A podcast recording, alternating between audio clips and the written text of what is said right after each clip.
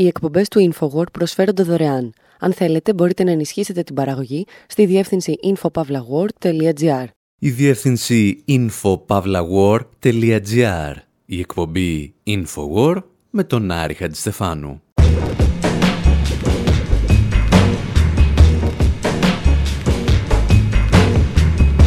Όπου σήμερα αφήνουμε τον πλανήτη Γη και αναζητούμε πολιτικές ιστορίες για το φεγγάρι, ανακατεύοντας τραγούδια και μουσικές στα όρια του συνειρμικού παραλυρήματος. Αποκαλύπτουμε ότι κάτσαμε να δούμε σε απευθείας μετάδοση την εκτόξευση της αποστολής Άρτεμις 1 για τη Σελήνη, αλλά μας πήρε ο ύπνος από την καθυστέρηση.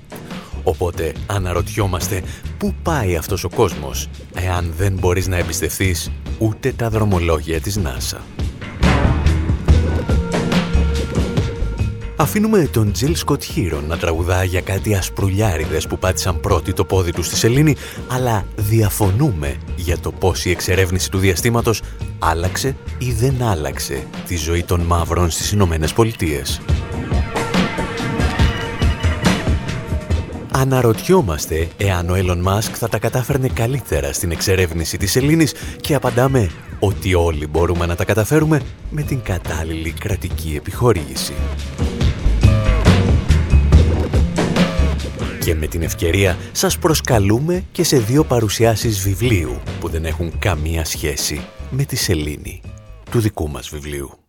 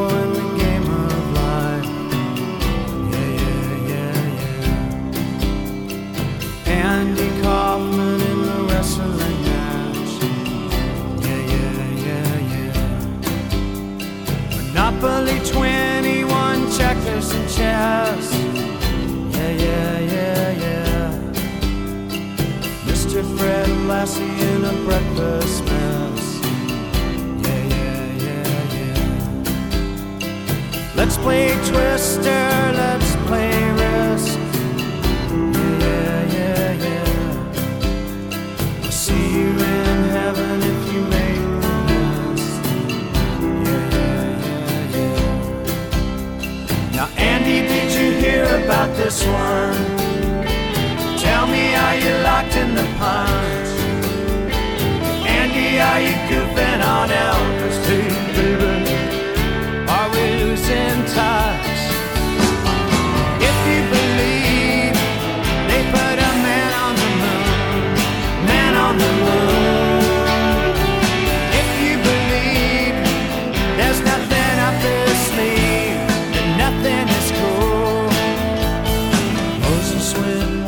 Οι R.E.M. ανακατεύουν ορισμένες από τις πιο γνωστές θεωρίες συνωμοσίας και αστικούς μύθους προηγούμενων δεκαετιών. Όπως ότι ο Elvis Presley ζει ακόμη και ότι η NASA δεν πήγε ποτέ στο φεγγάρι. Και το κάνουν για να αναφερθούν στον κομικό Άντι Κόφμαν, τον άνθρωπο που είχε πει τόσες φορές ότι θα σκηνοθετήσει έναν ψεύτικο θάνατο, ώστε όταν πέθανε πραγματικά, πολλοί δεν τον πίστεψαν. Προφανώς σήμερα μας απασχολεί περισσότερο η θεωρία συνωμοσίας που λέει ότι η NASA δεν έστειλε ποτέ αστροναύτες στη Σελήνη και όσα βίντεο έχουμε δει γυρίστηκαν σε κάποιο στούντιο στη Γη. Γιατί πάντα στις μεγαλύτερες στιγμές της επιστημονικής και τεχνολογικής πρόοδου υπάρχει μια ομάδα ανθρώπων που θεωρεί ότι το σύμπαν περιστρέφεται γύρω από αυτούς και κυρίως ότι συνομωτεί εναντίον τους. Κάποτε πίστευαν ότι δεν πήγαμε στο φεγγάρι μετά ότι η γη είναι επίπεδη και ύστερα έγιναν αντιεμβολιαστές. Σε όλες αυτές τις περιπτώσεις, ο λόγος τους είναι βαθιά αντιδραστικός και υπό μία έννοια νεοφιλελεύθερος. Φέρνει το ατομικό στη θέση του συλλογικού και πάντα μας απομακρύνει από τα πραγματικά πολιτικά και ταξικά χαρακτηριστικά ενός ζητήματος και η εξερεύνηση της Ελλήνης είχε ένα σκασμό από τέτοια πολιτικά και ταξικά ζητήματα. Ευτυχώς για μας, ανέλαβε να ανοίξει την κουβέντα ο Τζιλ Σκοτ Χίρον.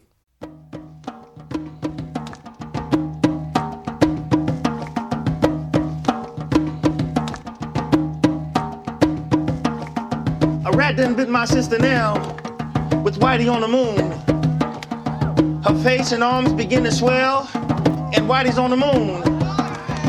I can't pay no doctor bills, but Whitey's on the moon. Ten years from now, I'll be paying still while Whitey's on the moon. You know the man that up my rent last night, and Whitey's on the moon.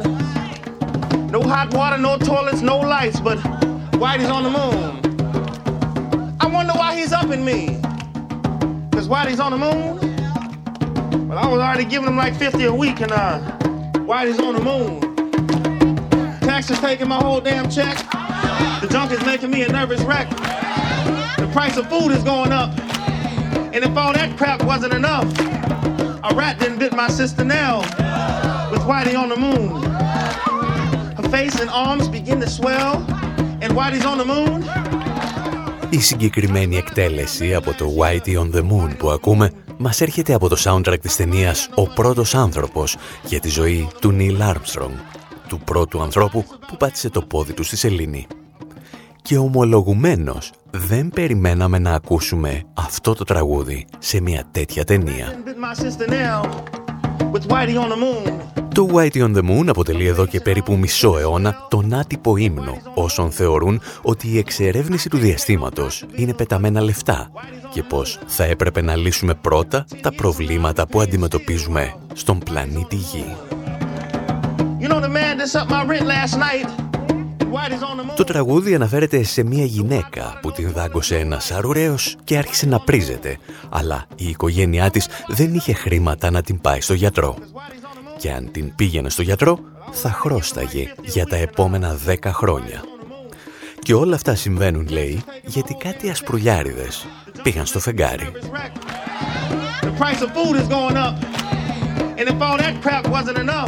Η λέξη ασπρουλιάριδες είναι εδώ η λέξη κλειδί, γιατί το τραγούδι γραφτηκε στο απόγειο του κινήματος των μαύρων στις Ηνωμένες Πολιτείες.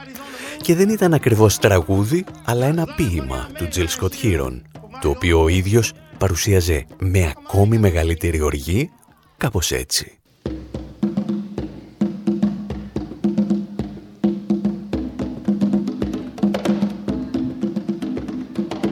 A rat done bit my sister Nell with Whitey on the moon. Her face and arms began to swell, and Whitey's on the moon. I can't pay no doctor bills, but Whitey's on the moon. Ten years from now, I'll be paying still while Whitey's on the moon. You know, the man just upped my rent last night because Whitey's on the moon. No hot water, no toilets, no lights, but Whitey's on the moon. I wonder why he's up in me.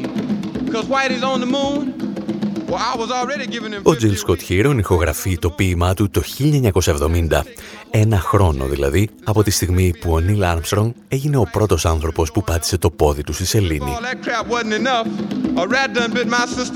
Η πρώτη παρατήρηση που κάνει βέβαια ο Τζιλ Σκοτ Χίρον είναι ότι όλο το πλήρωμα του προγράμματος Απόλο αποτελούνταν από λευκούς.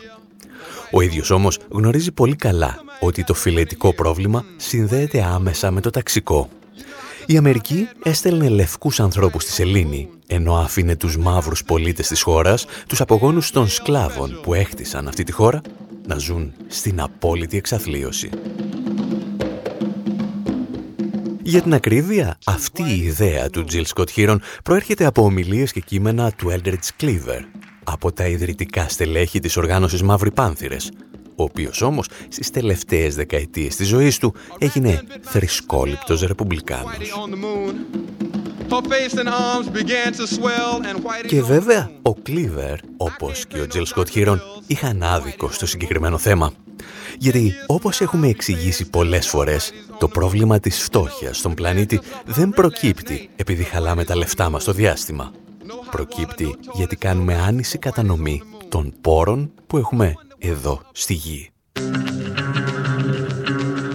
Παρ' όλα αυτά, το ποίημα του Jill Scott Heron επανήλθε δυναμικά στη δημοσιότητα το 2021, όταν τρεις πολυδισεκατομμυριούχοι, ο Τζεφ Μπέζος, ο Ρίτσαρντ Μπράνσον και ο Έλλον Μάσκ, άρχισαν τα ταξίδια στο διάστημα. Το περιοδικό The Conversation εντόπισε τότε μία ακόμη συνάφεια, αλλά και μία διαφορά στους στίχους του τραγουδιού με όσα συνέβαιναν στις Ηνωμένες Πολιτείες. Οι στίχοι κατηγορούν την κυβέρνηση ότι χρησιμοποιεί τα χρήματα των φτωχών μαύρων φορολογούμενων για να στείλει τους λευκούς αστροναύτες στο φεγγάρι. Σήμερα, εξηγούσε το The Conversation, το πρόβλημα είναι ότι οι δισεκατομμυριούχοι έχουν χρήματα για να πηγαίνουν στο διάστημα επειδή δεν πλήρωσαν ποτέ τους φόρους που τους αναλογούσαν στη γη. Το πρόβλημα φαίνεται θεωρητικά να αντιστρέφεται. Το αποτέλεσμα όμως είναι το ίδιο. Οι φτωχοί πληρώνουν τα διαστημικά ταξίδια των πλουσίων. Για να συμβεί όμως αυτό, έπρεπε πρώτα να συντελεστεί μια άλλη διαδικασία. Η σταδιακή ιδιωτικοποίηση της εξερεύνησης του διαστήματος. Και για να καταλάβουμε πώς φτάσαμε εκεί, πρέπει να πάρουμε τα πράγματα από την αρχή. Με τον Φρανκ Σινάτρα.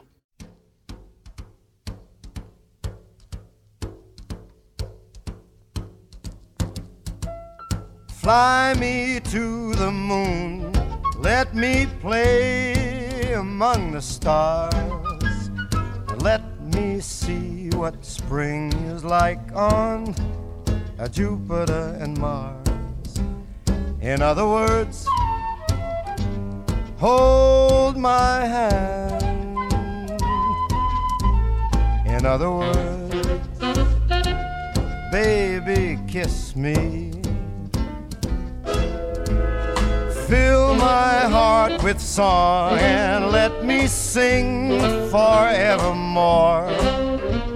You are all I long for, all I worship and adore. In other words, please be true. In other words,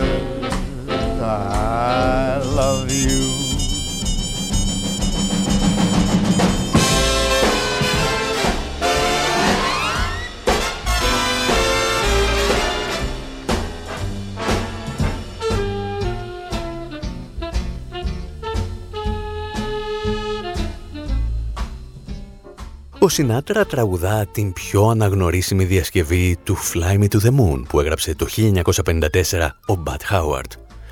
Και ενώ τον Σινάτρα δεν τον πέταξε κανείς μέχρι το φεγγάρι, το τραγούδι του τα κατάφερε να κάνει το μεγάλο ταξίδι. Όταν η αποστολή Απόλλω 10 έκανε την πρώτη περιστροφή γύρω από τη Σελήνη, το τραγούδι έπαιζε μέσα στο διαστημικό σκάφος από ένα κασετοφωνάκι της Sony και ξαναέπαιξε από το κασετοφωνάκι του Buzz Aldrin όταν κατευθυνόταν προς τη Σελήνη στην ιστορική προσελήνωση με τον Neil Armstrong. Για την ιστορία να σας πούμε ότι στη φετινή μη επανδρωμένη αποστολή δεν συμμετέχει ο Φρανκ Σινάτρα, αλλά ο Σνούπι. Η NASA έντυσε δηλαδή με στολή αστροναύτη ένα λούτρινο κουκλάκι, το σκύλο του μανιοκαταθλιπτικού Τσάρλι Μπράουν, και τον έστειλε στο διάστημα.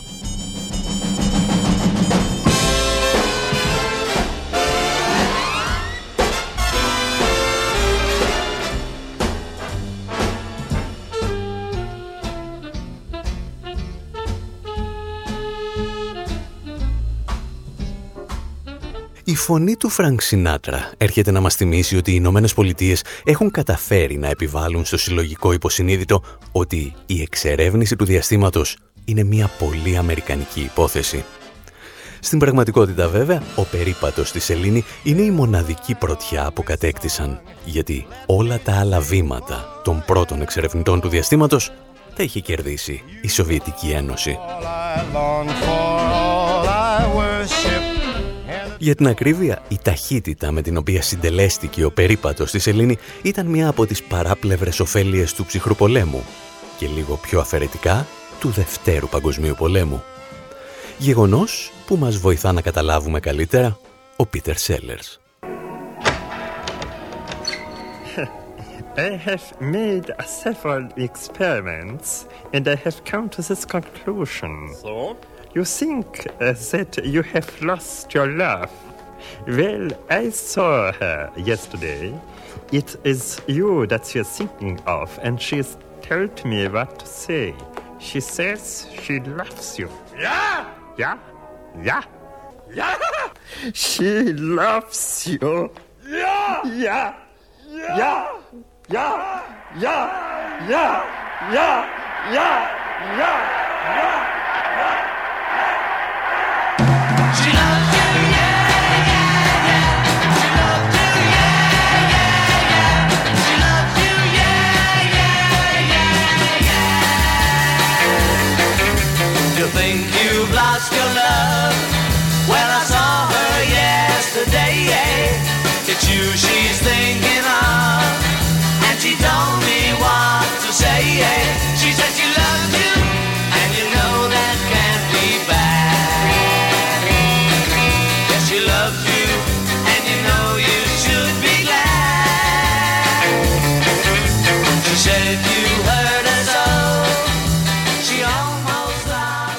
Το τραγούδι των Beatles που απαγγέλει ο Peter Sellers μπορεί να μην έχει καμία σχέση με την εξερεύνηση του διαστήματος και τις αποστολές της Σελήνη. Ο ίδιος όμως έχει. Γιατί εδώ υποδίεται και πάλι τον Dr. Strangelove, τον παρανοϊκό ναζιστή επιστήμονα που έχει περάσει στο στρατόπεδο των Ηνωμένων Πολιτειών.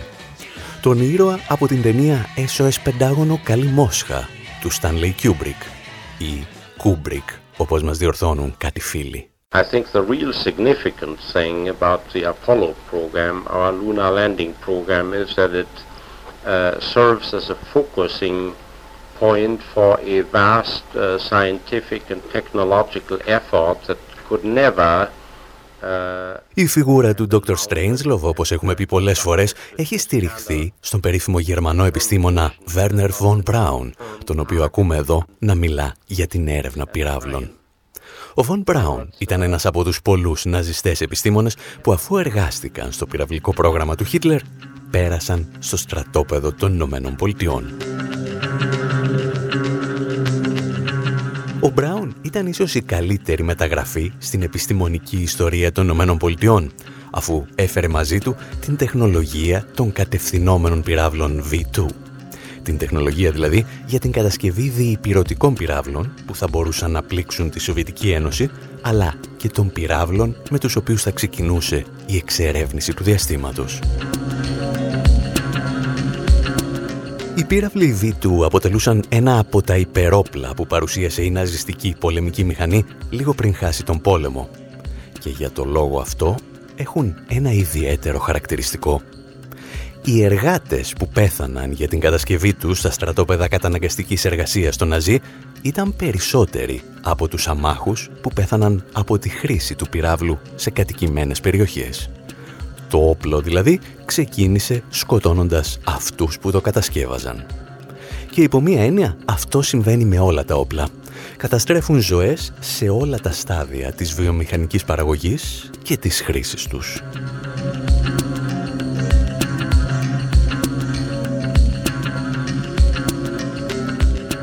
Στην εκπομπή Infowar με τον Άρη Χατζηστεφάνου συζητάμε για τις ελαφρώς πιο σκοτεινές πλευρές της εξερεύνησης του διαστήματος. Από την εποχή που η ναζιστική Γερμανία σχεδίαζε τους πρώτους κατευθυνόμενους διυπηρωτικούς πυράβλους μέχρι τις ημέρες μας, που η Νάσα στέλνει στη σελήνη ένα κουκλάκι του Σνούπι με στολή αστροναύτη.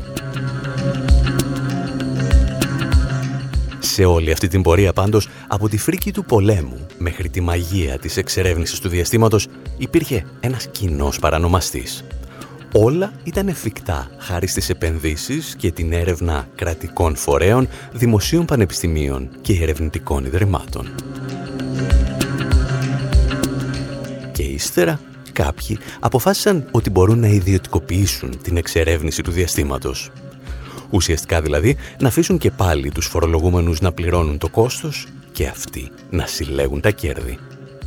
Όλα αυτά όμως θα τα δούμε στο δεύτερο μέρος της εκπομπής. Στις δικές μας γήινες ιστορίες θα θέλαμε να σας προσκαλέσουμε σε δύο εκδηλώσεις στην Αθήνα και τη Θεσσαλονίκη. Τη Δευτέρα, 28 Νοεμβρίου, παρουσιάζουμε το νέο βιβλίο του ανθρώπου που ακούτε με τίτλο «Προπαγάνδα και παραπληροφόρηση» στον κινηματογράφο Τριανών, στην Αθήνα. Και συζητάμε γι' αυτό με τον καθηγητή Γιώργο Πλειό, τη δημοσιογράφο Ελευθερία Κουμάντου και τον Χριστόφορο Ζαραλίκο. Στις 30 Νοεμβρίου ανεβαίνουμε στη Θεσσαλονίκη και συγκεκριμένα στο βιβλιοπωλείο Μαλιάρης Παιδεία. Εκεί το πάνελ μας αποτελείται από τον καθηγητή του Αριστοτέλειου Πανεπιστημίου Αντώνης Καμνάκη και τους δημοσιογράφους Απόστολο Λικεσά και Χρήστο Αβραμίδη. Περισσότερα όμως για όλα αυτά μπορείτε να διαβάσετε στη σελίδα μας info.pavlawar.gr Διάλειμμα τώρα και επιστρέφουμε.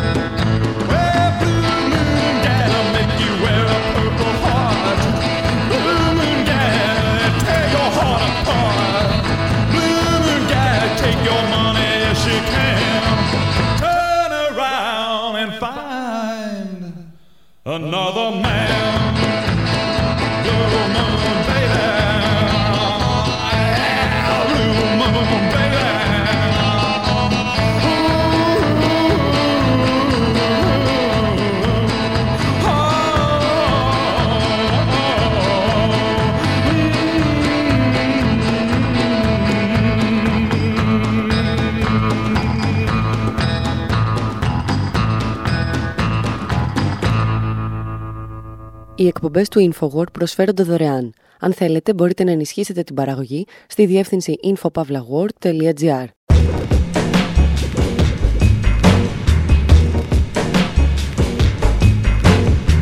όπου σήμερα αναρωτιόμαστε εάν οι πλουσιότεροι άνθρωποι του πλανήτη που ταξιδεύουν μαζικά στο διάστημα θα έπρεπε να μείνουν εκεί.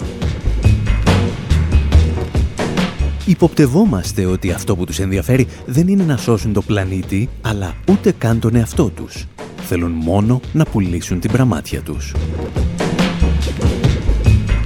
Σκεφτόμαστε ότι ο Τζεφ Μπέζος είναι ένας από τους ειλικρινέστερους πολυδισεκατομμυριούχος στην ιστορία και μάλιστα με το μεγαλύτερο θράσος.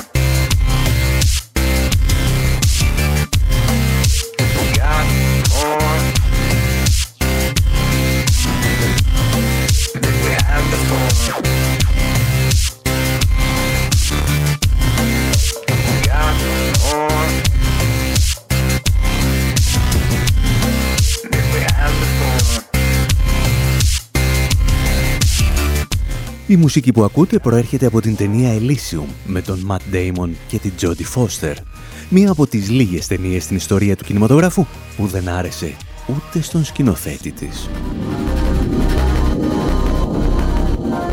Παρ' όλα αυτά, το Elysium είχε μια αρκετά ενδιαφέρουσα ιστορία να μας διηγηθεί και ο σκηνοθέτης, ο Νίλ Blomkamp, φαίνεται να είχε σχετικά καλές προθέσεις.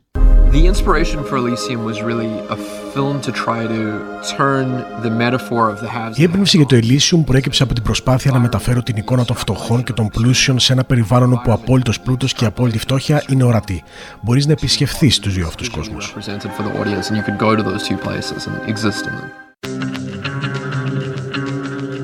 Η ιστορία εκτιλήσεται στο έτος 2154 μετά Χριστόν, όταν ο πλανήτης έχει μετατραπεί σε μια χωματερή ανθρώπινων ψυχών. Στη γη δηλαδή ζουν μόνο οι φτωχοί, όπως έλεγε και ο Ματ Ντέιμον. Earth 150 years in the future has become a third world planet. There's a scarcity of resources, it's overcrowded. 150 χρόνια στο μέλλον η Γη έχει γίνει ένας τερατοκοσμικός πλανήτης. Οι πόροι εξαντλούνται και υπάρχει υπερπληθυσμός. Έχεις την αίσθηση ότι τα σύνορα είναι πλέον εντελώς διάτρητα. Όλοι προσπαθούν απλώς να επιβιώσουν. Και όσοι ζούμε στη Γη, κοιτάζουμε ψηλά σε αυτό το ονειρικό μέρος στο οποίο επιθυμούμε να βρεθούμε.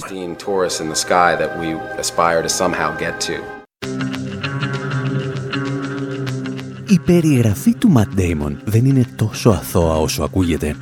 Συνδέει την υποβάθμιση του πλανήτη με την εξάντληση των φυσικών πόρων και τον υπερπληθυσμό.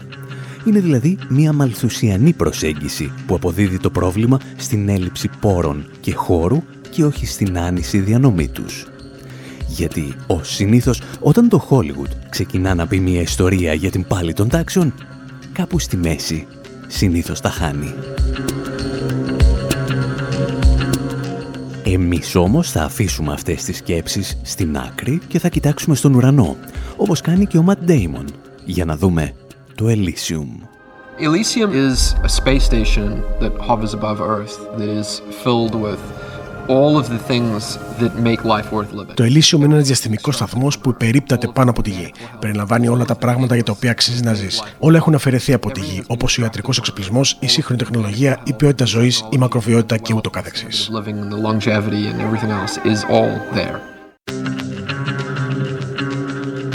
Όπως εξηγούσε λοιπόν ο σκηνοθέτης Νίλ Blomkamp, οι πλούσιοι την έχουν κάνει από τον πλανήτη και ζουν σε τροχιά γύρω από τη γη. Ο πλανήτης μας λειτουργεί απλώς σαν αποθήκη φυσικών πόρων και εργατικού δυναμικού, ενώ όσοι έχουν τα μέσα ζουν σε ένα ιδηλιακό κόσμο, στα όρια του διαστήματος. Και προφανώς κάποιοι θυμήθηκαν αυτήν την ταινία, καθώς ορισμένοι από τους πλουσιότερους ανθρώπους στον κόσμο άρχισαν να κινούνται με διαστημόπλια προς αυτές τις περιοχές, στα όρια ανάμεσα στη γήινη ατμόσφαιρα και το διάστημα. British billionaire Richard Branson rocketed to 53 miles above the Earth on Sunday in a test flight of his privately funded Virgin Galactic space plane. Ο Βρετανός δισεκατομμυριούχος Richard Branson εκτοξεύτηκε στα 85 χιλιόμετρα πάνω από την επιφάνεια της Γης την Κυριακή σε μια δοκιμαστική πτήση του ιδιωτικού του διαστημικού αεροπλάνου Virgin Galactic. Το ταξίδι του Branson πάνω από την ατμόσφαιρα ήρθε μόνο λίγες ημέρες πριν ο πλουσιότερος άνθρωπος του κόσμου, ο θετής Amazon Jeff Bezos, πετάξει το όριο του διαστήματος με τον πύραυλό του New Shepard. Ο Bezos αποσύρθηκε από διευθύνων σύμβουλο της Amazon εν μέρει για να επικεντρωθεί στην πυραυλική του εταιρεία, την Blue Origin, καθώς αυτή μάχεται να ανταγωνιστεί τη SpaceX του δισεκατομμυριούχου Elon Musk. Απαντώντας όλα αυτά, ο γερουσιαστής Bernie Sanders δήλωσε στο New York Times: Οι πλουσιότεροι άνθρωποι στον κόσμο δεν ενδιαφέρονται ιδιαίτερα για τη γη πλέον. Έχουν φύγει στο διάστημα.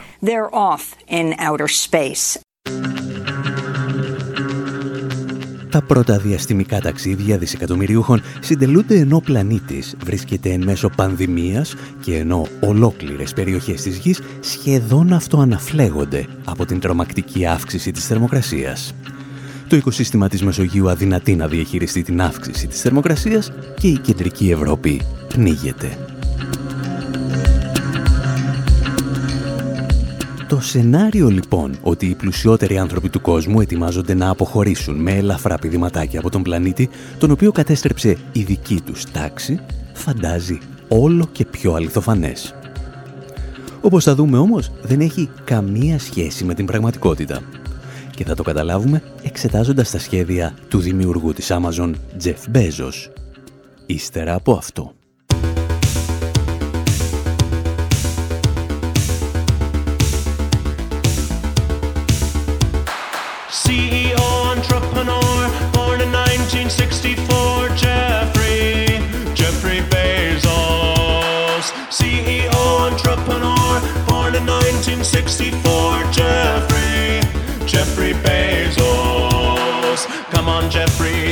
Do it. Pave the way, put your back into it. Tell us why, show us how.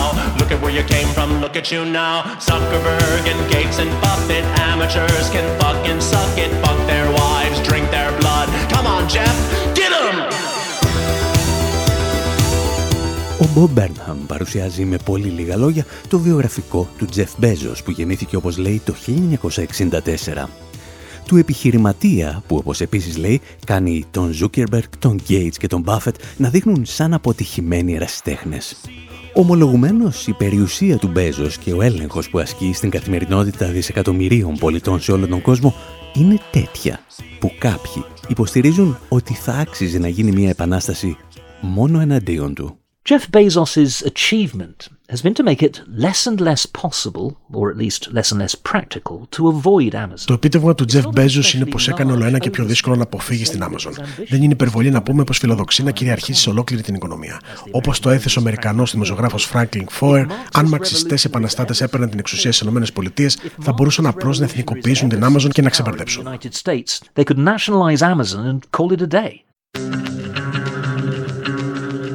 Ο κύριος που ακούτε είναι ο δημοσιογράφος και συγγραφέας Μάρκ Ονίλ σε ένα ιδιαίτερα ενδιαφέρον podcast από τη σειρά Long Read του Guardian.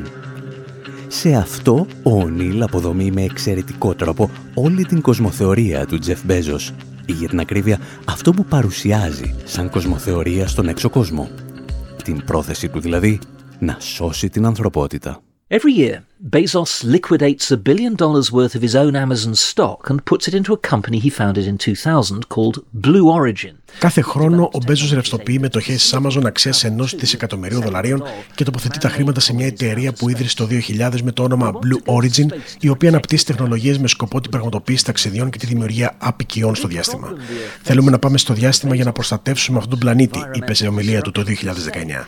Το μεγάλο πρόβλημα που αντιμετωπίζει η Γη, σύμφωνα με τον Μπέζο, δεν είναι αυτή κάθε αυτή η περιβαλλοντική καταστροφή. Είναι η προοπτική να ξεμείνει από πηγές ενέργειας. Όπως ισχυρίζεται, αν μετακινηθούμε στο διάστημα, θα έχουμε πρόσβαση σε απεριόριστους πόρου και δεν θα υπάρχει κανένα όριο στην ανάπτυξη ή στην κατανάλωση ενέργειας. Εν ολίγη, θέλει να κάνει τη γη μια οικιστική και ελαφριά βιομηχανική ζώνη και να μεταφέρει όλες τις εξορρυκτικές και βαριές βιομηχανικές δραστηριότητες στο διάστημα.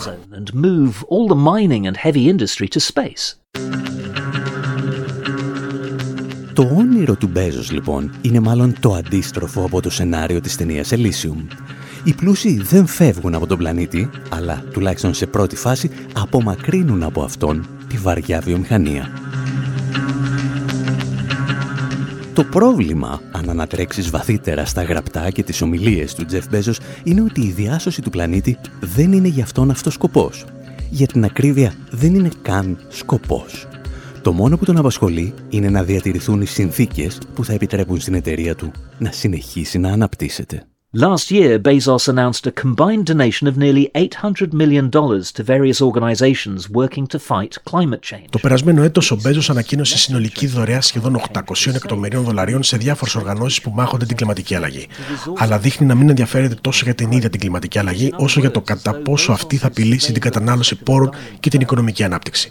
Είναι σαν ο Μπέζος να βλέπει ένα πλανήτη που πεθαίνει με μαζικό αφανισμό, φλεγόμενα δάση, βυθισμένες πόλεις και να τον απασχολεί μόνο το πρόβλημα που θα προκαλούσε αυτό στι διαδικτυακέ αγορές. Τι συμβαίνει, ρωτά ο Μπέζος, όταν η επεριόριστη ζήτηση συναντά τους πεπερασμένους πόρους; Η απάντηση είναι εξαιρετικά απλή. Οι αγορές με δελτίο. Όμως ένας κόσμος στον οποίο τα καταναλωτικά αγαθά μοιράζονται με αυτόν τον τρόπο δεν είναι ένας κόσμος στον οποίο η Amazon θα μπορούσε να συνεχίσει την ατελείωτη ανάπτυξή της. Ο Μπέζος ενδιαφέρεται λιγότερο για το μέλλον του πλανήτη και περισσότερο για το μέλλον του καπιταλισμού.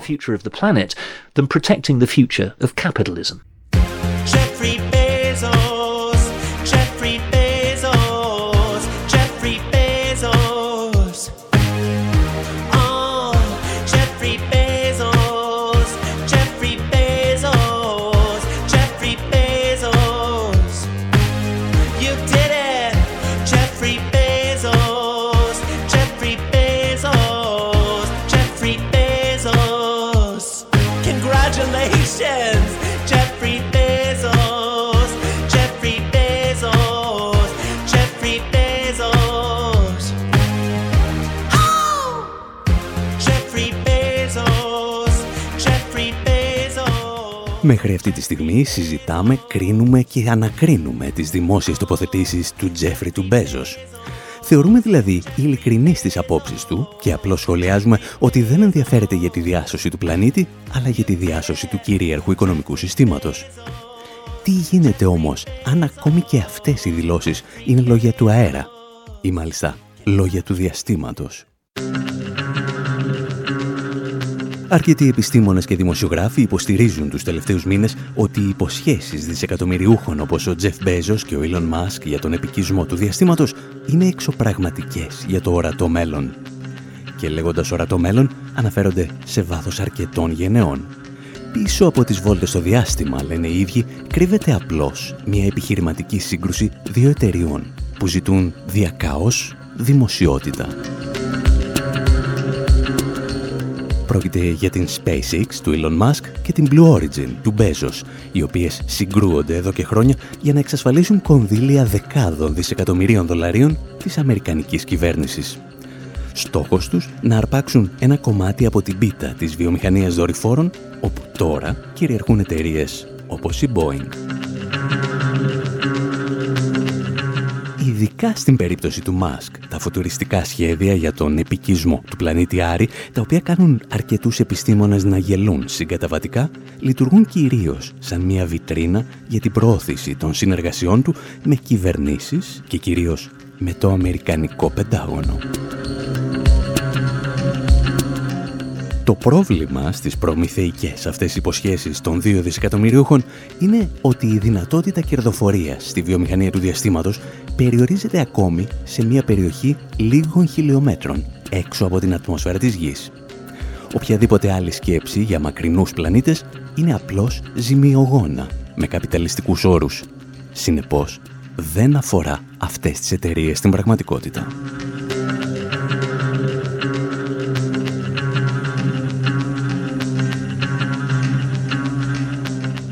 Ο Τζεφ Μπέζος λοιπόν πραγματοποίησε απλώς μια επικοινωνιακή επιχείρηση στήριξης των επιχειρηματικών του σχεδίων.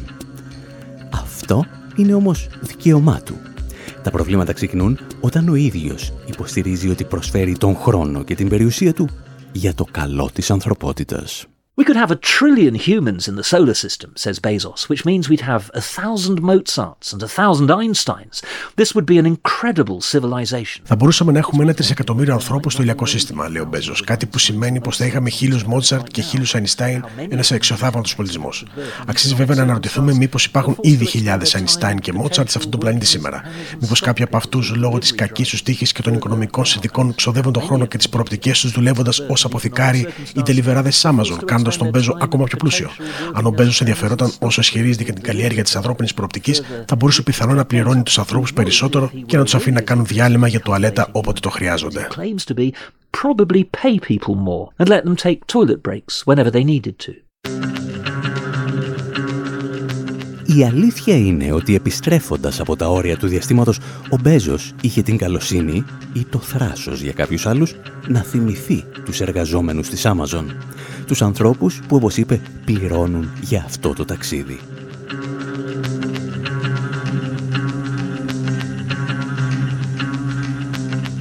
Στο σημείο αυτό όμως λέμε να σας αφήσουμε και για αυτή την εβδομάδα.